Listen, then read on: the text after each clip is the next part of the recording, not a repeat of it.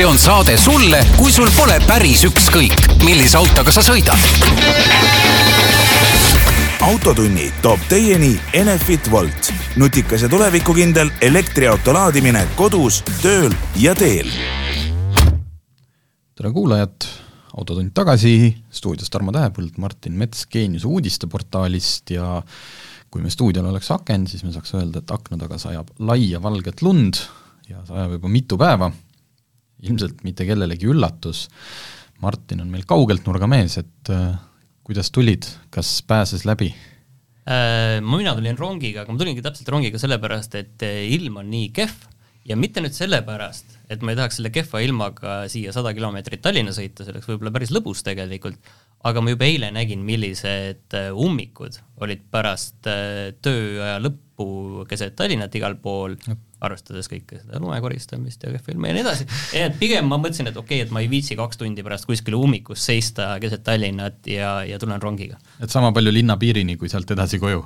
jah, sisuliselt küll, nagu Viimsis elaks. Noh, põhimõtteliselt me saame nüüd ilmselt järgmised kolm kuud äh, saates, kui midagi muud öelda, alles lumest rääkida, kuigi viimased paar talve on küll olnud sellist, et noh, et on need vanad head, nagu öeldakse, tundub praegult ka, aga, aga alguses päris nagu vältida ka ei saa ja Tallinn on, Tallinn, me räägime jälle, vabandust, Tallinna keskselt, sest et äh, ma ei ole sartunud, sina käisid Tartus, aga siis veel lund vist polnud, et ähm, on hakanud saatma iga nädal näiteks mingeid lumekoristusaruandeid. Et kui palju veeti välja, kui palju koristati, mitu töötundi, mis on kõik väga kihvt PR, aga see ei ütle mulle mitte midagi. noh, et seal peaks olema mingi, mingi tohutu võrdlusmoment, et eelmine talv oli selleks nädal, noh, ühes nädalas veeti maksimaalselt välja nii palju, et see kõik on nagu kihvt hästi, hästi läbipaistev. jah yeah,, PR on tõesti olnud väga hea, ma kuskil nägin mingit äh, linnavideot, kus väga osavalt puhastati kuskilt postide vahelt äh, lund ja väga äge nägi välja, et kui seda tehtaks igal pool, oleks väga hästi. aga millegipärast ikkagi ei jõua ja ma ei tea, kas see üldse on tegelikult inimlikult võimalik niimoodi, et kõik rahul oleks aga ei, ei, siin on vastus kindel ei. Jah kas see on, kas sellepärast, et see ei ole võimalik või et inimloomus on selline, et keegi ei ole kunagi rahul? lihtsalt, et see, see valmisolek on alati olemas kuskilt oktoobrist alates. ja, ja kui ma räägin praegu jalakäija vaatepunktist, ma mõnikord ikkagi käin ka jalgsi, siis kummaline on see, et linn ei ole suutnud aastatega siiski, ühesõnaga, tegelikult see äh,, laiem probleem on see, et majaomanikud või kes iganes neid siis esindab, juba ammu ajavad seda, et äh, kõnniteedega piirnevate majadelt võetakse ära kohustus seda kõnniteed puhtana hoida. hetkel see kohustus on. meil tegi seda veel kuni eelmise aastani, muuseas üheksakümne, nüüd juba vist üheksakümne seitsme kaheksa aastane proua. ja väga tublisti tegi ja ta tahaks see aasta veel edasi, selles mõttes, et aga ta vist ei jõua. aga väga paljudes kohtades seda ei tehta. On ärihooned, noh, et ühesõnaga, see kohustus on kodanikele pandud, inimestele, aga seda ei täideta ja linn ei suuda seda siis ka jõustada, mina ei tea, kas siis trahvi või mis iganes meetmete näol, ehk et nad on enda kaelast selle kohustuse ära lükanud ja samas tulemus on ikkagi null. Ja siis äh, jalakäijana, kui ma seal koperdan, eks ju, mingi paksu lumelöga sees, et noh, kellele ma siis lähen koputan selle maja uksele, et vabandust, teil on kohustus see kõnnitee siin puhas hoida? mina nagu ei ole kindel, kas seda kas see on nagu mingi asi, mida, mida peaks nagu viimase kui sentimeetrini nagu paika ajama, et igal pool väike lumi tuleb maha, kõik on nagu ära pühitud, tehtud, et see see ei ole nagu võimalik, kuni selleni, et see ei ole ka nagu mõistlik. täiesti nõus, et selline lihtsalt mõnus kinni tambitud või see, et kui esimese, noh et loomulikult kui öösel sajab, siis ei pea ükski kojamees või majaomanik minema nagu et kella kolmeks helisema panna, et esimene tiir ära, ära teha. Aga saad aru, mingitel lõikudel sa näed, Äh, on see juba päevi ja päevi ja päevi. ja niisugune paks lumesodi, mis tähendab seda, et seal ei olegi sellega tegeletud ja kunagi ei tegeleta ka. ja siis ongi linnal on ju noh, võiks ju olla need kohad aastatega teada, millised lõigud äh, ei ole koristatud ja noh, autoteede osas äh,, autoteede osas me ei jõua siin selle arutlusega kuskile, sest et noh, sajab ja, ja sajab ja mina ei tea jah, et meil Mulle..., meil kliima on selline. kliima on selline, et äh, Tallinna liiklusest äh, ma arvan, et me teeme ükskord äh, eraldi saate, aga selleks äh, meil ei ole mõtet enam siin kahekesi räusata või kutsuda keegi kolmas inimene Kalamajast räuskama, vaid me ilmselt peaksime stuudiosse kutsuma näiteks, ma ei tea, Madle Lippuse või keegi ja, ja siis ütleme siia neljanda tooli peale kellegi, kes nagu ütleks, kuidas tegema peaks. Noh, ühesõnaga, selles mõttes mitte, et nüüd Madle Lippus teeb valesti või õigesti, aga et me ütleme, oleme pigem siis sellel hetkel kuulavad ja küsimusi esitavad pooled, sest et noh, ise siin räusata lõputult pole mõtet. aga ma jääks nüüd sinna kliima juurde pidama, et, et kuidas sul Opelis kliima on Opeli, jaa, igas saates saab rääkida õnneks ka minu Opelist tuhande eurosest, äh, mis me omale katseks ostsime. Opelis on nüüd väga soe, äh, salongi radikas äh, vahetati ära, kogu see jahutussüsteem pesti mitu korda läbi, nagu seal Fixuse mehed ütlesid, et Emex, Emexis nutetakse, kui Opelit pestakse. see on kunagi mingi vana nali, mis käis nagu väljast pesemise kohta, et kõik see metall, mis sealt siis roostena maha voolab, nüüd on väga soe. Ja läksin selle autoga jõulukuuski tooma maalt, äh, muuseas võin öelda, et Opel Omega Caravani mahub neli jõulukuuske, millest kaks on sellised täismõõdus, noh korterisse sobivad, et laeni välja, kaks väiksemat, noh jõuga oleks sinna veel neid pressinud, väga praktiline auto. aga, aga mingi hetk ma avastasin, et klaas ei lähe enam puhtaks, äh, mõtlesin, et vedelik otsas tegin Käravete tanklas peatuse, hakkasin seda valama, siis kuulen, et tuttav heli miks ta niimoodi soliseb? kas tõesti on paak nii tühi, et kukub sinna paagi põhja otse? ja siis vaatan varvast ette, hakkab niisugune punane loik värvuma, et äh, kui varem juhtus see asi bensiinipaagiga, kust kõvasti lekkis läbi ja ma lasin, ma ei tea, mitukümmend liitrit üheksakümmend kaheksat maha, siis nüüd ma kallasin üks pool äh, seda kanistrit jahutusvede-, või mitte jahutusvedelikku, äh, aknapesuvedelikku maha. ja nüüd ma ei tea, ma ei see ei ole öko üldse, mis sa teed?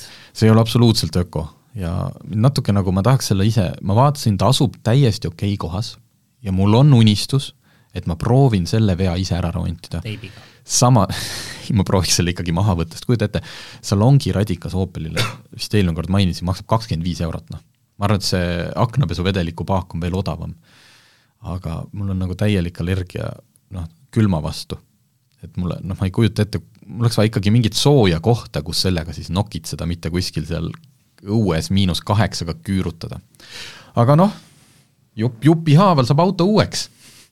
Nii, aga mina käisin eelmine nädal, käisin Riias ja ma käisin seal, käisin ka bussiga, aga mis oli huvitav ikkagi vaadata, noh, ikkagi minu kahjuks stampteema, et kütusehinnad, vaata, et Riias, kuigi täna, okei okay,, täna tuli Eestis ka teade, et, et vaikselt kütusehinnad kukuvad juba üks koma seitsmekümne, üks seitse viie peale umbes. ja tegelikult äh, Riias oli üks koma kuuskümmend kaheksa, oli üheksakümmend viis, aga väga huvitav oli see, et, et kui sõitsin läbi, läbi, läbi, läbi Volga tagasi, siis kui sa jõuad läbi Volga, siis esimene tankla, mis on Eesti poole peal, see oli äh, Alexela tankla, seal oli kenasti üks koma seitsekümmend. Ja kui sa jõudsid Valgast välja sõit, sõitma, äh, kõige kaugem tankla seal, aga samas Valga linnas veel, oli Olerex, kus oli üks koma seitse üheksakümmend üheksa, nii et konkurents on täitsa ikkagi olemas Eesti turul, et ei ole seda muret, on ju, et okei okay,, seal lõuna pool on kütus odavam, aga konkurents ühe linna sees on täitsa olemas, et kui lähedal Lätile sa oled, et vahe on võib-olla kolm-neli-viis kilomeetrit, aga see on olemas mm. -hmm vot, tasu äh,, praktilist tarbijainfot siis äh, autotunni poolt. jah, kui lähete Volka, siis, siis käige seal lõunapoolsemas osas nii, käes on kuu algus äh, ja väljas on Eesti uute autode müügistatistika. Äh, huvitaval kombel see aasta, äh, mitte see aasta, novembris, üllatus-üllatus, esimene ja teine koht on vastavalt siis Toyota ja Audi, Toyota ja Škoda, aga kolmas koht on Audi. aga ma ütlen sulle ka, miks. sest kui me vaatame top kümme mudeleid, siis teisel kohal on kuuskümmend seitse Audi Q2 ja kelle värvides Audi Q2-d linnas on pargitud igale poole, loomulikult Bolt, Bolt Drive. ma hakkasin mõtlema, et kui Bolt Drive Eestis ei oleks nii noh, nii jõuliselt peale tulnud, mida, mida te Eesti automüük, et hetkel on novembri lõpu seisuga on võrreldes eelmise aastaga müük umbes üheksa protsenti madalam olnud, aga et noh, et, et see kogus autosid, mida nagu Bolt Drive ostab, ja Eesti registrisse võtab, on ikkagi noh, nagu meie turu väiksust arvestades päris metsik niimoodi, et ta suudab nagu tõsta ühe margi, mis on, eks ju, Nobel mark, noh mis top kolme nagu naturaalsel moel ei jõuaks, lihtsalt nagu ühel kuul peaaegu esimeseks. ma lihtsalt praegu kujutan ette neid võimlemisharjutusi, mida need automüüjad teevad, et äh, saada see Bolti tehing äh, endale Tas,. tasuta rehvid, tasuta hooldus, tasuta, ma ei tea, massaaž, mis iganes jah, just, et see, sellepärast, et just, et tähendab, see, see ei ole nüüd, et ma teaks, kuidas autoäri käib, aga noh, nii palju ma tean, et seal on ikkagi tehasele äh, on kas siis kokku lepitud mingi müügikvoot või tehas annab selle mingite valemite alusel, nii et see on vaja täis saada. ja, ja ma arvan, et, et siis on noh, siis võib-olla saab järgmine aasta parema hinnaga tehasest autosid, ja et võib-olla ongi esindusel mõistlik needsamad mingid Bolt Drive'i autod anda kas või ma ei tea, nullkattega, võib-olla isegi noh, täpselt visata sinna peale veel hooldusi ja asju, lihtsalt selleks, et saaks nagu kvoodi kõvasti täis, et siis järgmine aasta nagu olla tehasega maru heades suhetes aga see on ju tegelikult kõik selline ma ei ütleks, et igav, sest et miks me igavat infot siin ikka jagame, hoopis huvitavam on see, et mis siis ägedate autode arvestuses registrisse jõudis. ja hoolimata sellisest noh, tatisest novembrist ja justkui võiks nagu noh, kõik rohkem kodused olla, siis äh, registrisse kanti päris huvitavaid autosid, viis Lamborghinit. Ja seekord siis, äh, kui tavaliselt on, on uurust nii palju ei olegi, siis neli neist on uurused ja üks Huracan. Äh, jälle, kuna sina oled siin mul vastas, siis ma tean, et sul on mingi õrn koht või niisugune nagu unistus, Audi RS6 Avant, neli tükki, selline ei mõistlik pere, ei olnud ükski ei olnud sina, ma ikka alati mõtlen, et äkki sa ikkagi tegid otsuse ära.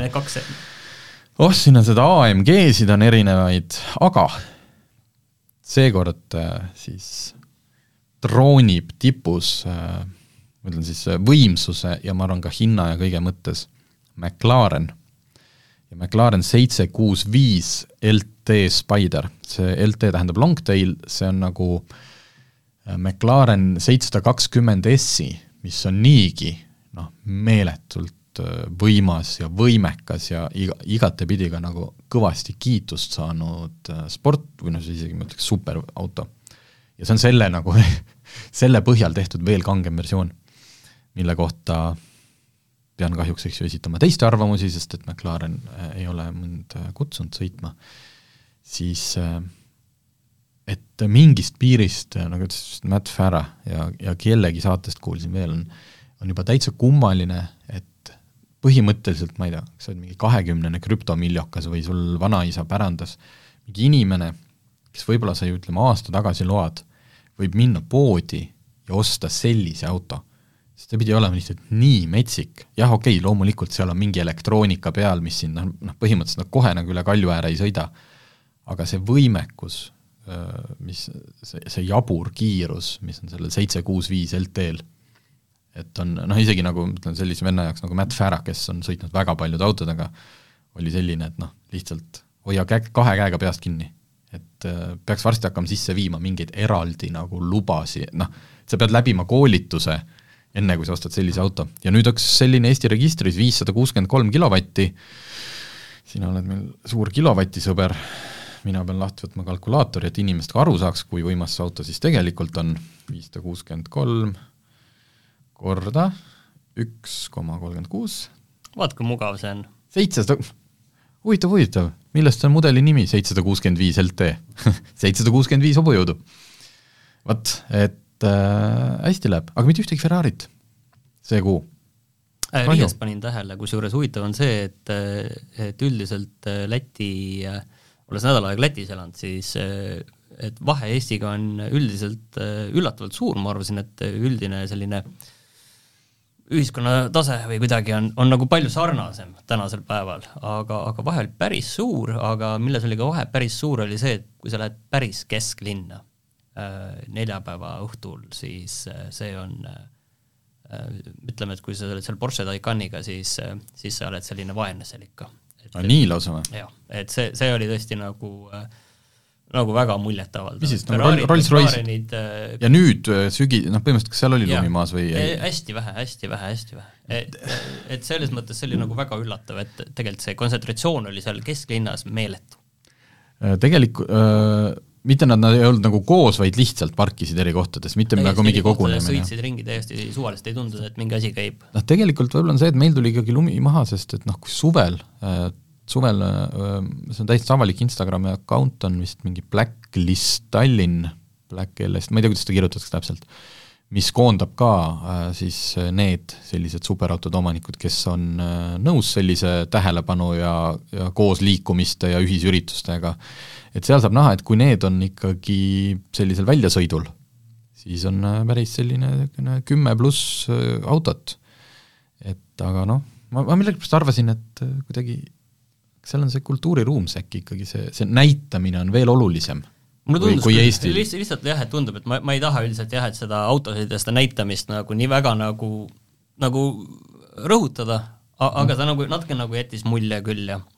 Jah Taikani kohta, et eelmine kuu võeti arvele neli eh, Taikani, nii et elektriautod on populaarsed Eestis.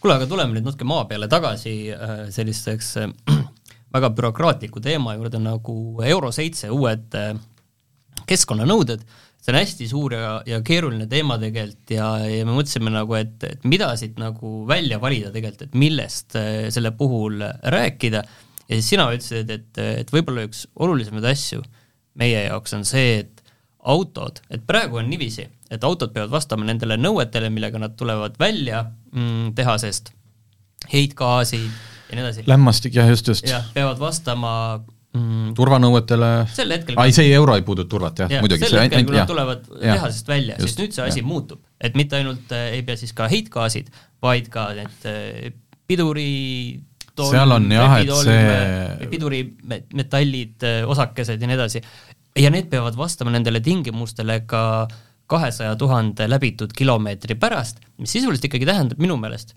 et äh, paranda nüüd mind, et natuke tuleb autosid teistmoodi teha. jah, aga keegi ei tea, kuidas. Äh, see tõesti nii on, et äh, tähendab, kõigepealt ma esitan sulle kui ütleme, laiema silmaringiga inimesele, kas sina saad aru, mida tähendab, et Euroopa Komisjon esitas Euroopa Parlamendile ja nõukogule ettepaneku, et kas siin on ka variant, et seda tegelikult ei tule või seda tehakse leebemaks, et ma, mul on Euroopa Liidu, ma olen õppinud seda ülikoolis, ma olen kõrgharitud selleteemaline, aga see oli hästi ammu. aga siis on sinu silmaring ikkagi natuke laiem, aga, aga ma saan aru, et antud juhul see võib siiski veel äh, muutuda, sest see on nagu ütleme, kui tuua analoog äh, või paralleel nagu Eestiga, siis see on see, et valitsus teeb äh, riigikogule. riigikogule ettepanek, Riigikogu tegelikult reaalselt võtab selle vastu. nüüd on see küsimus, on ju, et kui kummitempel on see Riigikogu, kui kummitempel on see Euroopa Parlament, on mhm. ju. et üldiselt need sellised keskkonnatüüpi eelnõud lähevad minu meelest sealt Euroopa Parlamendist äh, suhteliselt äh, libedalt läbi.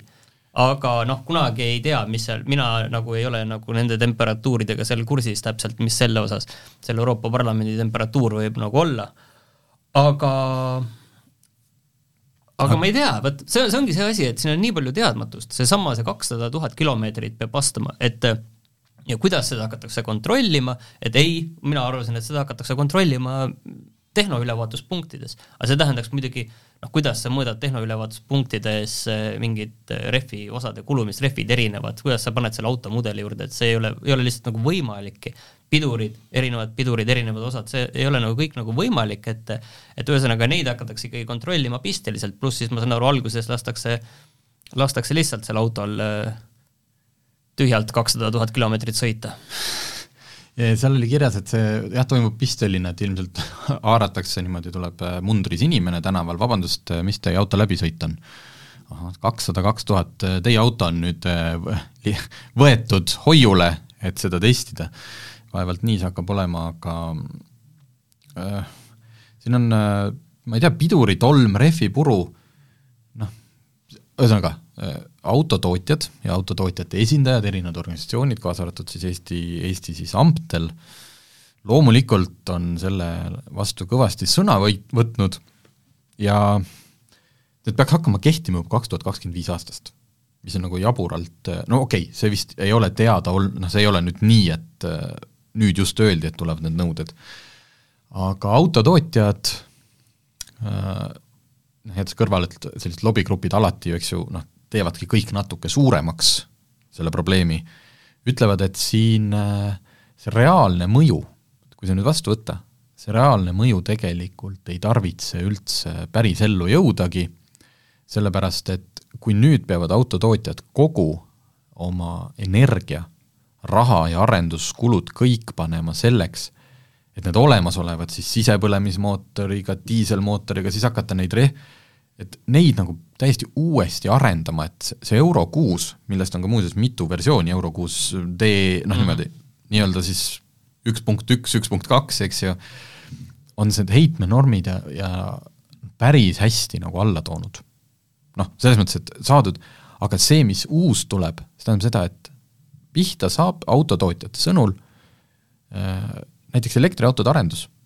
sellepärast, et nende väide on, et noh, nagu ressurssi jätkub ühe suure asja jaoks korraga. ja nüüd on see, et kas me arendame seda Euro seitsmele vastavaid autosid ja teeme kõik nii, et kaks tuhat kakskümmend viis tehasest väljuvad sellised autod, mis ka kakssada tuhat hiljem, eks ju, on Euro seitse, või me paneme nüüd ikkagi gaasi põhja ja kogu aur läheb elektri, elektrifitseerimisele ja aku tootmisele ja kõigele. et kahte me ei jõua.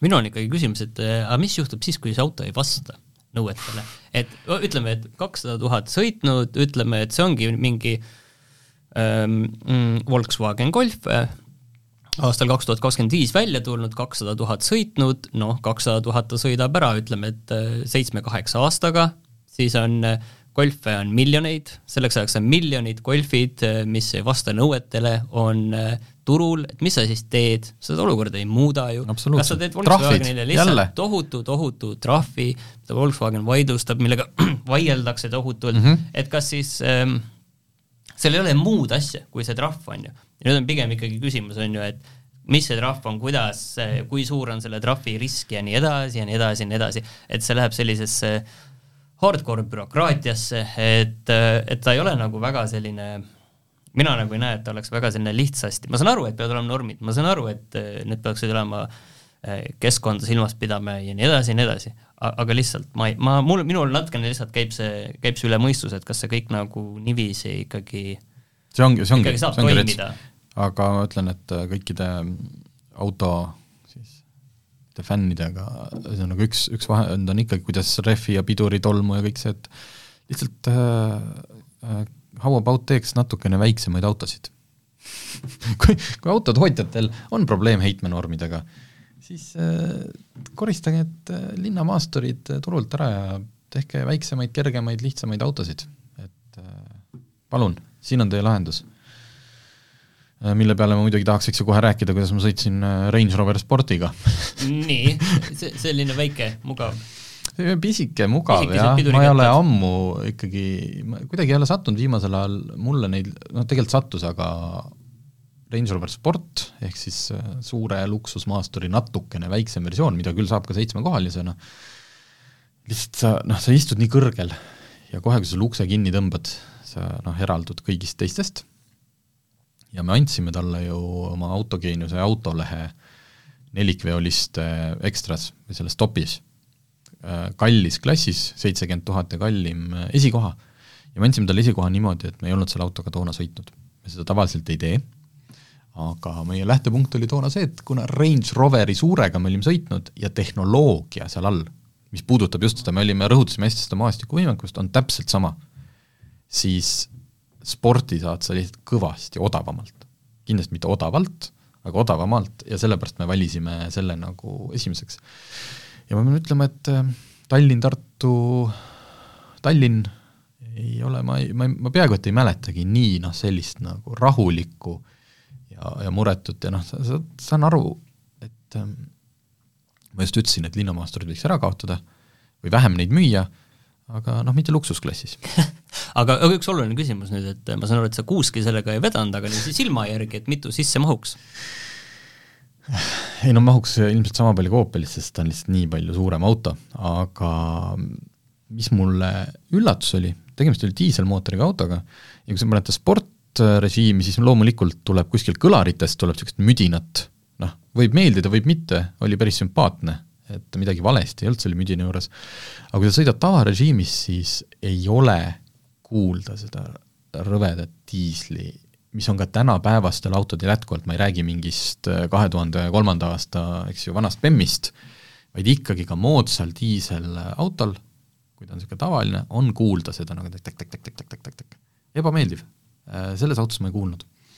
ta on seest hästi stiilne, samas noh, ma ei saaks öelda, et intuitiivne, see ekraan on seal ikka, ikka jube, jube keeruline kohati, aga vähemalt ilus.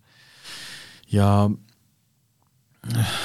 issand, mul oli selle autoga veel üks aga üks asi tal oli, et need maatriks tuled, mis otsivad tee peal, vaata kui sul ees sõidab mm -hmm. auto, siis tänapäevased niisugused kallid tuled suudavad säilitada täistuled tee ääres, eks ju, tee servades, jättes selle sinu ees sõitva auto välja. siis need küll kuidagi, tee ääres oled liiklusmarkidel mingi, mul vend oli kõrval ja küsis, et kas ta peabki niimoodi vilku, nagu mingit stroboskoopi tegi. et ma ütlesin neile ka, et vaadake üle, et kas see, kas see on nüüd õige ikka või miks ta niimoodi vilgutab Äh, minul äh, lihtsalt auto, need automaatsed kaugtuled teevad ikka, strobot teevad siis, kui, kui see peegeldub ikkagi liiklusmärgilt, valgelt liiklusmärgilt, peegeldub tagasi, on ju, ja siis ta peab seda valget liiklusmärki mm, -hmm. mille pealt tema enda valgus peegeldub tagasi, peab äh, tuleks. see võib sama olla, aga siis on see pigem väike niisugune noh, arenduse viga, et teie liiklusmärgid on ju igas mingi... riigis igal pool, et äh, aga see on mingitel tingimustel mingi valguse puhul, et kus mingi valgus tuleb täpselt niiviisi ja, ja peegeldub tagasi, mingi, mingi selline teema on seal mul, nagu ma olen tähele pannud, maksimaalselt tüütu on see. ühesõnaga, mulle meeldib see, et seal Range Rover, ta on Range Rover Sport, et, et ei tasu lasta ennast heidutada või kuidagi segadusse ajada, et ta ei ole nüüd mingi sportmaastur, kuigi seda saab kindlasti ka väga võimsa mootoriga ja niimoodi, kindlasti tuleb sellest ka SVR versioon millalgi või see ühesõnaga kiire, aga et ühesõnaga, kui me räägime luksus- või kallistest maasturitest, siis ta oli noh, ta oli täpselt see, et kui ma ise läheks ja viskaks üle saja tuhande euro selle eest, noh kindlasti see proovisõiduauto oli, ma arvan, mulle pole veel hinda, hinda saadetud, aga ma pakuks puusalt mingi niisugune saja kolmekümne tuhande eurone, siis vot selline peab olema luksusmaastur. et seal ei ole, noh, sul ei ole mingit bling-blingi seal sa interjööris, noh, tuled, viled, kellad, sa lihtsalt istud, sa, oledki nagu selles salongis, kõik on nagu täpselt, täpselt, täpselt nii, nii nagu peab. kannatab äh, sõita küll. kannatab sõita küll äh,, aga erinevalt sellisest autost nagu Munro MK1, oled seda pilti vaadanud äh,? Just äh, mina see, see ei ole auto, millega me oleme sõitnud, see on auto, mida just äh, esitleti ja see on auto, mis tuleb meile Šotimaalt see on auto, mis, mis võiks lihtsalt praegu selle talvise kamoga üle lasta ja sinna Ukrainasse saata, see näeb nagu selline välja. see näeb selline välja ja teine, see näeb välja nagu äh, auto, mille on laps joonistanud. kui sa ütled, et joonista auto, siis on see, et kõigepealt teeb ta kaks ratast, siis teeb rataste kohale hästi kõrged sellised äh, kaared, ja siis teeb kandilise niimoodi, tagant läheb otse üles, siis läheb katus, siis klaas langeb sirgelt siis tuleb kapott ja see on täpselt selline auto. ja Munro, Šoti nii-öelda ütleme siis auto startup, Munro eesmärk ongi loomulikult teha maastur, aga hästi lihtne maastur, selles mõttes võimekas, aga mis on sümpaatne selle auto juures, no selle välimusega peab lihtsalt noh, et kas ta ongi kast, tal on ees nelinurksed tuled, mille sees on noh, neli ümmargust tuld, ühesõnaga ta on igatepidi täielik kast, aga Munro ei ole üritanud teha seda, et ma teen meeletult võimeka, superluksusliku, ülivõimsa mingi noh, mingi asja mm, -hmm. nagu näiteks Bollinger siin üritas, ja panen selle hinnasildile mingi kakssada tuhat ja siis mu äri hääbub juba enne nagu, kui see kunagi ei, üldse ei, käima läheb. palju sümpaatsem mõte on see, et proovida olla hea ja, või parim ühes asjas, mitte Just. olla, proovida parim olla kõikides asjades ning selles siis äh, äh, kohutavalt ebaõnnestuda. kui sa vaatad seda interjööri pilti, see armatuurlaud näeb välja noh, põhimõtteliselt nagu mingi äh, UAZ või selline täpselt, tahtsin midagi sarnast öelda. mingi UAZ, mitte noh, mitte et ta näeks ebakvaliteetne, vaid seal on minimaalne arv lüliteid ja mitte sellepärast, et selle asemel on mingi neljakümne kahe tolline ekraan, vaid ma arvan, et seal ongi täpselt minimaalne arv lüliteid, mis vaja on. sa saaksid sooja, sa saaksid mingid tuled põlema panna, noh, juhi ees on, on küll digitaalne ekraan, aga ma arvan, et, et ka see see kõik, okei okay,, see digitaalne ekraan välja jätta, siis muidu see natukene kõik välja selline nagu see Willis, millega mind äh, üle kolmekümne aasta tagasi kooli sõidutati et suhteliselt sarnane. jah, äh, ja mootor, äh, mootorilahendus on ka niimoodi, et, äh, et see ei ole nagu tavaliselt, et mõlemal, mõlemal teljel on üks mootor või siis lausa iga ratta sees, nagu äh, on eriti kallistel, vaid auto keskel asub üks mootor, äh, mis pidi olema siis hea kaalu, äh, kaalujaotuse pärast. Ja akusid kaks varianti, kas kuuskümmend üks kilovatti või kaheksakümmend kaks, kes juba praegult kuuleb, saab aru, et tegemist ei ole mingi hüperpika sõiduluutusega autoga, vist oli kolmsada kuus ja, ja ka võimsus on niisugune kolmsada kuni kolmsada kaheksakümmend üks, olenevalt versioonist, hobujõudu. nii, äh, see tähendab seda, et kolmsada kuus kilomeetrit, äh, et noh, ei ole palju, aga jällegi, see auto ei ole mõeldud kuskil kiirtee, noh et sa ostad selle nagu mingi mõne teise auto, millega sa mitte kunagi maastikule ei lähe, vaid tegelikult kütad lihtsalt äh, mingit äh, kiirteotsi ja, ja edvistad. poevahet. poevahet. sest et tal on äh, noh, loomulikult lukustatavad diferentsiaalid ja nelikümmend kaheksa sentimeetrit clearance'it. ma mäletan, kui ma sõitsin äh, viis aastat tagasi esimest korda, lihtsalt see on üks noh, ainuke number, mida praegult pähe tuleb, äh, Land Rover Discovery viiega, ehk siis see suur Land Rover Discovery, ja sellel oli vist, et ise saad nupust panna kuskile, kas ta oli natuke üle kolmekümne sentimeetri. ja siis, kui auto saab aru, et sa oled noh, ikka ilgelt põhja peal, siis ta ise oma, oma nagu äh, mõistusega suudab seda veel paar sentimeetrit tõsta, nii et sina, sina, sina ei saa seal midagi teha. Äh, ühesõnaga kolmkümmend kuni kolmkümmend viis oli sinna vahemikku, siis sellel nelikümmend kaheksa. aga selle juures ta ei ole, noh, ta ei ole nagu mingi Ameerika niisugune tõstetud monster truck'i moodi. ta näeb täiesti nagu, noh muidugi on see rattakoobaste vahe tuleneb, tulebki sellest, et äh, clearance on suur ja suurim mäkke tõusu lähenemisnurk ehk siis see nii-öelda esirattad sisuliselt asuvad noh, esikaitserauaga tasa. et nad ei, ei ole kuskil tagavarjus, mis tähendab seda, et kaheksakümmend neli kraadi on see pealesõidunurk, ehk peaaegu, et kui su ees on täiesti üheksakümne kraadine sein, noh okei okay,, kaheksakümmend neli kraadi, siis see auto hakkab sealt noh, teoreetiliselt saab mhm. ratastega peale sõita, loomulikult äh, füüsika teeb oma töö, et ta selle nurga all üles sõita mm. ei suuda. aga näiteks, kui on mingi kallak, millest on vaja nagu natuke üle sõita, et tal on vaja lihtsalt ratastega sinna mingi maani saada, et vägev. ja, ja ta kasutab mingi, noh, nende eesmärk on äh, teha see auto niimoodi, et, et need et see auto oleks kasutuskõlblik ka nelja-viie, neljakümne, viiekümne aasta pärast. loomulikult akusid tuleb vahetada ja seal ongi äh, tehtud moodulakud, noh et klõps välja, klõps sisse, aga et see ülejäänud auto seal ümber oleks äh, noh, võimalikult lihtsasti vahetatavad jupid, mitte midagi sellist, et nüüd, kui see on läbi, siis läheb auto minema. kihvt, kihvt idee. Äh, need elektri ja uued startup'id, noh, see võiks tegelikult keegi kuskil loo teha, kui oleks mõni portaal, mida me teaks lihtsalt, kui palju neist nagu Lõpuks on kuhugi jõudnud, noh, Bollinger, millest ma rääkisin, äh, on põhimõtteliselt pealt uksed kinni pannud. no ilmselt mis iganes nad jõudsid valmis arendada, keegi võib-olla ostab ära. Lucid Air on tänavatel. kui edukalt, eks ju, kas nad ka varsti panevad uksed kinni, aga mis siin on Faraday, äh, Faraday FF, üks esimesi niisugusi äh, elektriauto startup'e, millest mina Autogeenius kirjutasin kuskil ka oligi noh, umbes viis aastat tagasi. mina ei ole midagi kuulnud enam. täpselt, ja noh, viimane uudis, mis ma nendel mingi eelmine nädal nägin, oli jälle, jälle pandi siin, sinna mingi uus CEO ja noh mm., et nagu ei idane, ei mädane, ei sure, ei, ei saa autost valmis. aga see Munro puhul võiks ja, ja nad ei eelda mingit äh, sadu tuhandeid müüki.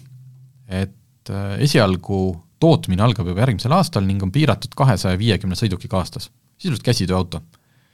aga kaks tuhat kakskümmend neli loodavad kolida suuremasse tehasesse ja siis teha juba kümme tuhat autot rohkem, kümme korda rohkem autosid.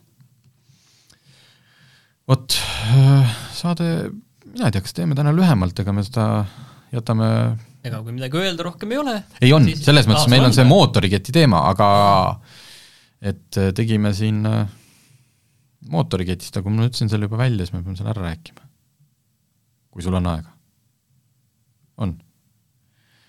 ühesõnaga, sinu autol on, tead sa üldse, on sul ketiga mootor või? ketiga on, seda ma tean, et selles mõttes, et ma olen ikkagi rihma olen nagu vahetanud, on ju, ja tean, et see on oluline seda vahetada, ja, ja et seda ma tean, et on, on kett ja, ja et ma ei pea seda mitte kunagi puutuma.